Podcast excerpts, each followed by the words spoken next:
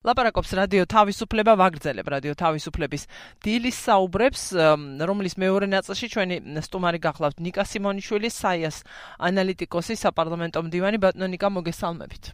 მოგესალმებით და მივესალმებით თქვენს სვენებს და მაყურებლებს. დიდი მადლობა დიდი მადლობა მობრძანებისთვის და ამჯერად მინდა შევეხოთ ჩვენ ვაგრძელებთ საუბარს გუშინდელ საკომიტეტო მოსმენაზე რომლის მთავარი თემა იყო უნდა ყოფილიყო, ასე ვიტყვი.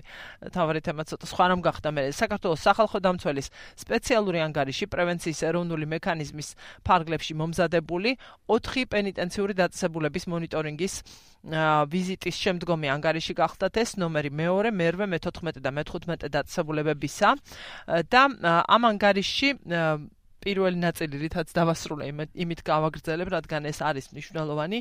ამ ანგარიში არაერთხელ არის აღნიშნული, რომ განსაკუთრებული ყურადღება ექცევა აქ მოტანილი ინფორმაციის წყაროების კონფიდენციურობის დაცვას. დაცვას არა ფორმალურად, რომ თქვა სახელებს და გვარებს არასახელებენ ბუნებრივია პატიმრებისა, რომლებიც ბევრი იყო გამოკითხული. ზუსტად შემიძლია გითხრათ, აღნიშნულიც არის ჯგუფური ინტერვიუები ჩატარდა 610 პატიმართან და 206 ინდივიდუალური ინტერვიუ არის ჩატარებული ამ მონიტორინგის ფარგლებში სახალხო დამცველის ამ პრევენციის მექანიზმის წარმომადგენელთა მონიტორების მიერ და სწორედ ამას ემყარება ეს ანგარიში. აქ არის აღნიშნული ხო ის სწორედაც წერი ანგარიში ფაქტები წარმოდგენილია იმგვარად რომ გამოირიცხოს რესპონდენტ პატიმართა იდენტიფიცირების შესაძლებლობა და მაქსიმალურად იყოს უზრუნველყოფილი მათი უსაფრთხოება. ვიზიტის დროს მოპოვებული დოკუმენტაცია, ასევე მონიტორინგის ჯგუფის წევრთა ანგარიშები ინახება საქართველოს სახალხო დამცველის აპარატში. სახალხო დამცველი იღებს ამაზე პასუხისგებლობას.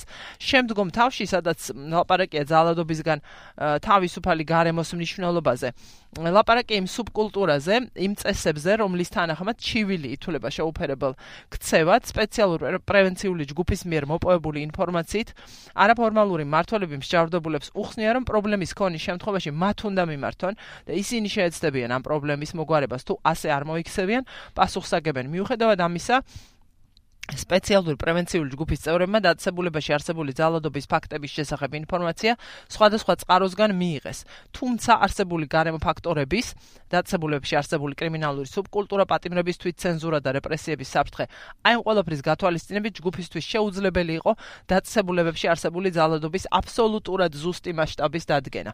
და ასევე არაფორმალური მართლობის გავლენა და დაწესებულებებზე არსებული კონტროლი განსაკუთრებით შეიმჩნეოდა ნახევრად ღია დაწესებულებებში ნომერ მე-14 და მე-15 დაწესებულებებში განხორციელებული ჯგუფური გასაუბრების დროს სპეციალურ პრევენციულ ჯგუფს საცხოვრებელ კორპუსში და ეზოში მსჯავრდებულთა გარკვეული ჯგუფი სავარაუდოდ კრიმინალური სუბკულტურის მიმდევრები დაყვებოდა, რომელიც სხვა მსჯავრდებულებს გულახდილად საუბრის საშუალებას არ აძლევდნენ. მსჯავრდებულთა უმრავლესობა ამბობდა, რომ ყველაფერი შესანიშნავადაა და განუწყვეტლივ იხსენებდნენ 2012 წლამდე პერიოდს, როცა ადმინისტრაციის მხრიდან სასტიკ რეპრესიებს განიცდიდნენ. და ასე შემდეგ. რატომ გავუსვი კიდევ ერთხელ ამას ხაზი სწორედ იმ განცხადების გამო რაც საიამ გამოაქვეყნა გუშინ. მიღმა ეს ჩვენ პირველ ნაწილში მერთობლივ განცხადებაზე ვლაპარაკობდით, ახლა რაც შეეხება აქცენტებს, რომლებსაც საქართველოს ახალგაზრდა იურისტთა ასოციაცია სვამს. რაც შეეხება პერსონალური მონაცემების დაცვის საკითხს და არა მხოლოდ გისმენთ. აა პირველ რიგში შევეხები თვითონ სახალხო დამცველის ანგარიშს და შემდგომ უკვე ჩვენს განცხადებაზე გადავალ ეს არის ძალიან ძალიან მნიშვნელოვანი ანგარიში იყო, რომელიც არ ვიცი, ძალიან სერიოზულ პრობლემას ეხებოდა, თუმცა იმ ასე ვთქვათ გამოსვლება იმ გამონათქვამებმა და ნუ ასე შემდეგ რაც რაც ადგილი ქონდა იუსტიციის მინისტრის მხრიდან ფაქტორად ეს თემა გადაფარა. აა კი რამდენადაც ჩვენთვის ცნობილი არის და ნუ სახალხო დამცველის აპარატის თანამშრომლებიც ამაზე წერდნენ და იწერებოდა კიდევაც და ცნობილიც იყო რომ ანუ ეს ანგარიში სამ ასე ვთქვათ გამოქვეყნდებოდა იუსტიციის სამინისტროში ეს გადაგზავნილი იყო და იუსტიციის სამინისტრო საერთოდ პასუხი არც მოუწერია და ნუ პრინციპში ეს ჩვენთვის არ არის გასაკვირი იმიტომ რომ ჩვენ ანგარიშებზეც მსგავსი მიდგომები არის ხოლმე, თუმცა რაც შეეხებოდა ქალბატონ თიას ვიზიტს პარლამენტში, ანუ ეს იყო ის შემთხვევა, როდესაც ზოგადად სახალხო დამცველის ანგარიშებზე მინისტრის მოადგილეები მოდიან ხოლმე და ისინი სცემენ ხოლმე პასუხებს, თუმცა ეს იყო ის გამონაკლისის შემთხვევა, როდესაც ზოგადად ქალბატონეთია თვითონ მივიდა პარლამენტში და ნუ პირველი პირი მივიდა უწყების და ნუ ზოგადად კარგი იყო რა თქმა უნდა, თუმცა ფაქტორად ჩვენ რაღაც წარმოდგენა ვნახეთ წინასწარ მოფიქრებული ეს და ასე ვთქვათ ეს შოუს ელემენტები შეგვიძლია ასე ვთქვათ, სადაც წარმოდგენილი იყო აი ის კადრები, რომლებიც ასე ვთქვათ კანონის კანონის ძალიან უხეში დარღვევით იყო გამოქვეყნებული. რა ნაწილებში? გადაღები ის შენახვის თუ გასაჯაროების თუ ყველაფერს ერთად. კი, ანუ აქ ძალიან საინტერესო არის, ანუ რა ნაწილში იყო კანონის დარღვევა. ზოგადად გადაღების უფლება პენტენციურ დაწესებულებას აქვს, ანუ მსჯავრდებულის, ანუ მეთვალყურეობის უფლება აქვს იმ შემთხვევაში, თუ ეს მსჯავრდებულის ან სხვა პირის კანონიერი ინტერესების დასაცავად არის აუცილებელი. ანუ იმ შემთხვევაში, როდესაც თვითმკვლელობის, თვითდაზიანების ან სხვა პირის დაზიანების, ან მსჯავრდებულის ან მისი ქონების დაზიანების საფრთხეს აქვს ადგილი, ასეთ შემთხვევაში შეუძლია დირექტორს, დაწესებულების დირექტორს მიიღოს გადაწყვეტილება აა თვალთვალ, ანუ ასე ვთქვათ, მეთვალყურეობასთან დაკავშირებით ელექტრონული საშუალებით, ან ვიდეო გადაღებასთან დაკავშირებით შეუძლია მიიღოს გადაწყვეტილება. შეიცავს თუ არა ხმის კომპონენტს, ვიცით თუ არა? ხმის კომპონენტი, ანუ როგორ როგორც გამოქვეყნებულ ვიდეოში არის, ანუ აუდიო, ანუ აქ გამოქვეყნებულ ვიდეოში ჩანს რომ ანუ ხმის კომპონენტი არ არის, იმიტომ რომ ხმის კომპონენტი რომ ყოფილიყო, ეს შეიძლება და თუ ასეთი არსებობს, ან მე ამას ვერც გამოურიცხავ, ვერც დავადასტურებ, ანუ ვიდეოში არ არის ხმის კომპონენტი. გამოქვეყნებულში არ არის, კი ბატონო. თუმცა თუ ხმაც არის ჩაწერილი, ასეთ შემთხვევაში შეიძლება დანაშაულის ნიშნებსაც კი შეიცავდეს, იმიტომ რომ ყოლა დაუშვებელია თუ მიყურადება და ასე ვთქვათ, ანუ ესეთი კონფიდენციალობის დარღვევა სახალხო დამცველის წარმომადგენელთა შეხვედრის დროს. ანუ აქ ვადები არის დარღვეული იმდენად რამდენადაც ზოგადად ამ ხნის განმავლობაში, ანუ აპრილში არის ეს ჩანაწერი გაკეთებული და ნუ კაუნტებლობით ზოგადად მაქსიმუმ ანუ 3 თვე შეიძლება გაგრძელდეს ესეთ თვალთვალიდან ჩანაწერის დასრულებიდან მაქსიმუმ 1 თვე შეიძლება დაარქივდეს და მეორე უნდა განადგურდეს, ანუ 9 თვე არის მას შემდეგ გასული და ეს თუ რაღაც სხვა საფუძველი არ აქვს ალბათ, ხო? რაღაცა თქვათ გამოძიების ნაწილი ნაწილი თუ არ არის ანა ხო ან რაღაც ანუ თუ რაღაც წარმოება არ მიმდინარეობს ამასთან დაკავშირებით ანუ ესეთი საფუძველი განმარტებული ყოველ შემთხვევაში არც არც ყოფილა. ერთადერთი მიზანი რაც ქონდა იყო ის რომ ანუ მინისტრს თავი დაეცვა ეგრეთ წოდებული ბრალდებებისგან სახალხო დამცველის ბრალდებებისგან თუ არ ვიცი როგორ შეიძლება ამას უწოდო რაც ყოველად გაუმართლებელია ანუ მიზნები რაც ჩამოთვალე ანუ ის ჯანმრთელობა ანუ ჟავრდებული სენ სხვა პირების ჯანმრთელობა სიცოცხლე ანუ ამ მიზნებისთვის შეიძლება და მხოლოდ გამოყენებულიყო. ანუ რა მოხდა აქ? ანუ ერთი ის რომ ვადები დაირღვა ზოგადად და სახალხო დამცველს სამინისტრო ეუბნება ხოლმე ჩვენ არ ვინახავთო და თურმე ინახავს, როცა თვითონ ჭირდება და როცა პოლიტიკური მიზნებისთვის გამოყენება სჭირდება. მეორე არის ის რომ მიზნებისგან საერთოდ შეუსაბამოდ გამოიყენს, რაც ყოველად დაუშვებელი არის. თუმცა აქ ერთი ფაქტიც არის საინტერესო რომ იმ ადამიანის ვინაობაც კი ჩანს სახე ჩანს, ვინც წარმოადგენლად იყო შესული პატიმართან. კი. კი, პატემრის ნაწილი თქვა დაფარულიყო, მაგრამ ამ შემთხვევაშიც მე რატომ გავუსვი ხაზი იმას, ხო, ერთი ვერ დავარქმევდი და დარწმუნებული ვარ თქვენც ასე თulit ვერ დავარქმევდი ბრალდებებს, იმას რაც სახალხო დამცველის ანგარიშია ministrisადმი, იქ არის გამოკვეთილი პრობლემები. იმგვარად და იმ ხარისხით რის საშუალებასაც მოპოვებული ინფორმაცია იძლეოდა და არის რეკომენდაციები. ამ ნაწილში როგორ თქვა, ბუნებრივად ერთი უნდა იყოს ინტერესი სახალხო დამცველისაც და იუსტიციის მინისტრისაც. და აქ ნაკლებად უნდა ყოფილიყო კონფლიქტი, თუ კი ინტერესებზე ვილაპარაკებ და მიზანზე, რაც არის საბოლოო მიზანი ამ ყოველფრის.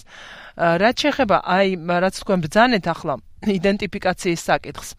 აა სწორედ ამიტომ არაერთხელ ვთქვი, რომ ანგარიში არაერთხელ არის ხაზგასმული მნიშვნელობა კონფიდენციურობის. დაცულობის იმ ინფორმაციის წყაროების ვისგანაც რომელი პატიმრებისგანაც მიიღო ინფორმაცია სახალხო მიიღეს ინფორმაცია სახალხო დამცველის წარმომადგენლებმა მათი უსაფრთხოებისთვის. კი. რომელსაც 100%-ით კიდევ ვამბობ ვერ იცავს სახელმწიფო ასეთი ტიპის დაწესებულებებში. მით უმეტეს იმ ვითარებაში რაც საქართველოსში არის ამ სისტემაში იმ ვითარებაში როცა აგერ ლაპარაკი არის ამ ანგარიშიც და არა მხოლოდ ამ ანგარიში ჩვენ ხომ ამაზე არაერთხელ მოგვისმენია საერთაშორისო ორგანიზაციის თუ ადგილობრივი არასამთავრობო ორგანიზაციების ანგარიშებში პენიტენციურ სისტემაზე როცა ლაპარაკია კრიმინალურ სუბკულტურაზე და ამგვარ კონტროლზე. პირველი უმნიშვნელოვანესი ნაწილი ეს არის უსაფრთხოება იმ შავდებულისა, ვინც ჩვენი ინფორმაციით ამ გზით დაარღვია ის რაღაცნაირი წესი. რაც რასაც ითვალისწინებს სუბკულტურა. რა შეიძლება თქვენ ლაპარაკობთ კანონის დარღვევაზე? რა შეიძლება იყოს რა შეიძლება მოყვეს ამას? აჰა. სამართლებრივად. აა პირველ რიგში, ანუ ჩვენ რასაც საუბრობდით, ის რომ კონფიდენციალობას რა მნიშვნელობა აქვს ზოგადად სისხლის სამართლის საპროცესო კანონმდებლობაც იცნობს იმას რომ ან მაგალითად როგორც ადვოკატი არის დაცული იმ პრივილეგიით რომ უფლება აქვს ჩვენებაზე უარი თქვას ასევე სახალხო დამცველი მის წარმომადგენლები ასეთი პრივილეგიით სარგებლობენ და ანუ რა თქმა უნდა მათ ჩვენების მიცემაზე უარის თქმის უფლება გააჩნიათ. გააჩნიათ სწორედ იმ ადამიანების დაცვის გამო რომლებისგანაც მიიღეს ეს ინფორმაცია. როდესაც ამდენი ადამიანი ამაზე საუბრობს და ის კი არა კომიტეტის ხდომაზე ყურადღება გაამახვილეს იმაზე იმაზე რომ ანუ პატიმრები საუბრობდნენ 2012-მდე როგორი ცუდი სიტუაცია იყო და მე როგორი კარგი სიტუაცია და ესო ნიშნავს იმას რომ ასეთი სუბკულტურა არ არისო არა პირიქით ანუ პატიმრები ამას იმიტომ ამბობდნენ რომ ანუ იმ ასე ვთქვათ მაყურებლებს ეს ყველაფერი არ მოესმეთ. ამ ადამიანების დასაცავად კეთდება ეს ყველაფერი და როდესაც ანუ ქალბატონი თეა საუბრობდა იმაზე რომ მაშინ მიდი და პროკურატურას ჩვენება მიეცი ეს ასე ვთქვათ ანუ არ ვიცი რა შეიძლება შეიძლება ამ ყველაფერს უწოდო, ხო? ანუ ეს არის ძალიან ძალიან ცუდი მოწოდება და ანუ სახალხო დამცველის მანდატში ძალიან უხეში ჩარევა. ხა რა შეიძლება თვითონ ამ ყველაფერს რა შედეგი შეიძლება მოყვეს?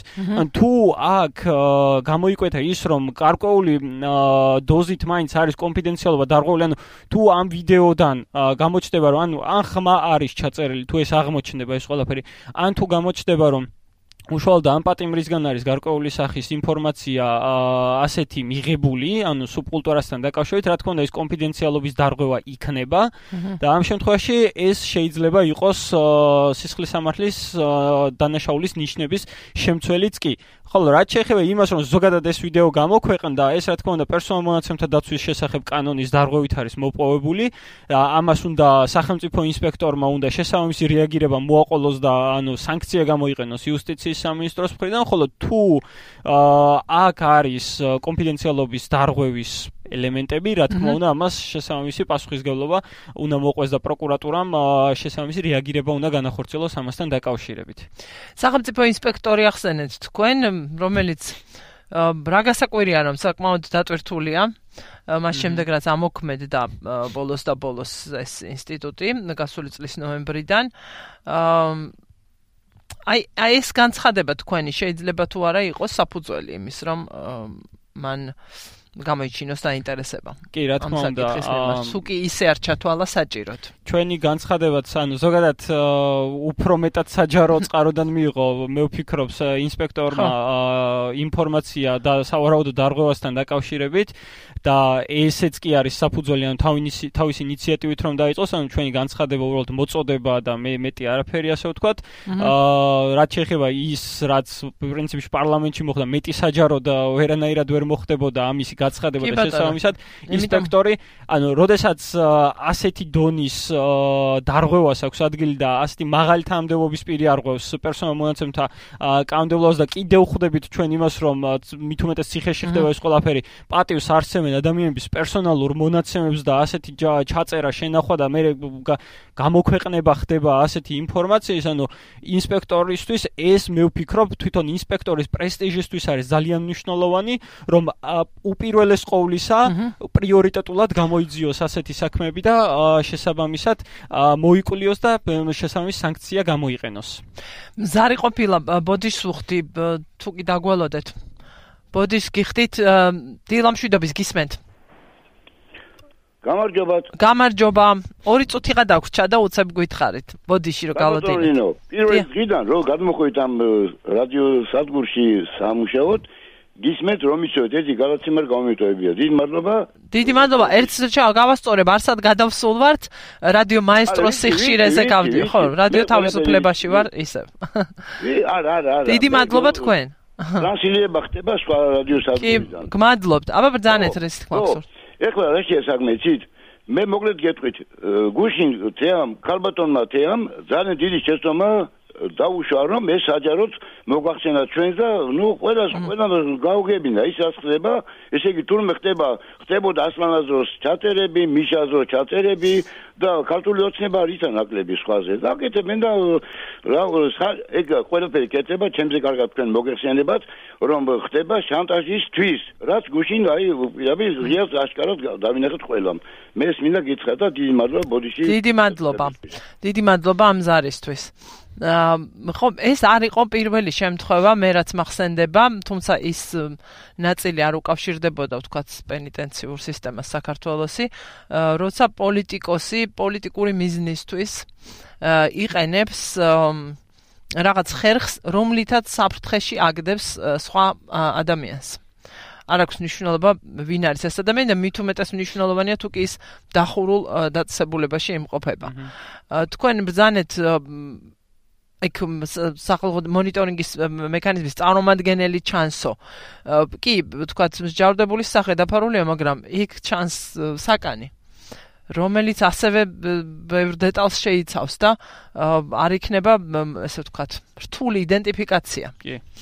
აა ასევე რაც შეეხება დანარჩენ ვიდეოებს წუთიც აღარ დაგვრჩა ბოდიშს გიხდით არის თუ არა პრობლემური დანარჩენი რამდენიმე ვიდეო სადაც დაპირისპირების კადრები იყო ნაჩვენე ასეთ შემთხვევაში ანუ შესაძლებელია ანუ აქ სამინისტრომ თქვას რომ ანუ ზოგადად ამ სისტემაში სამინისტრო სისტემაში პირველი არ არის ასეთი მიზნებისთვის ანუ თავის დაცვის ბრწყალებში ვთქვათ მიზნებისთვის ასეთი გამოქვეყნებები.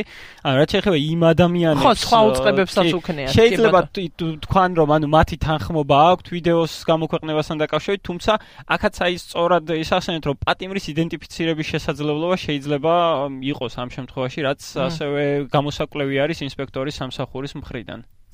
ძალიან დიდი მადლობა უნდა გითხრათ. დღეს უნდა დავასრულოთ საუბარი მამით. დიდი მადლობა ნიკა სიმონიშვილი, საიას ანალიტიკოსი, საპარლამენტო მდივანი იყო ჩვენი სტუმარი გადაცემის მეორე ნაწილში. რადიო თავისუფლების დილის საუბრებს უსმენდით თქვენ. მე გემშვიდობებით ხვალამდე ინტერნეტში გვადევნეთ თვალი.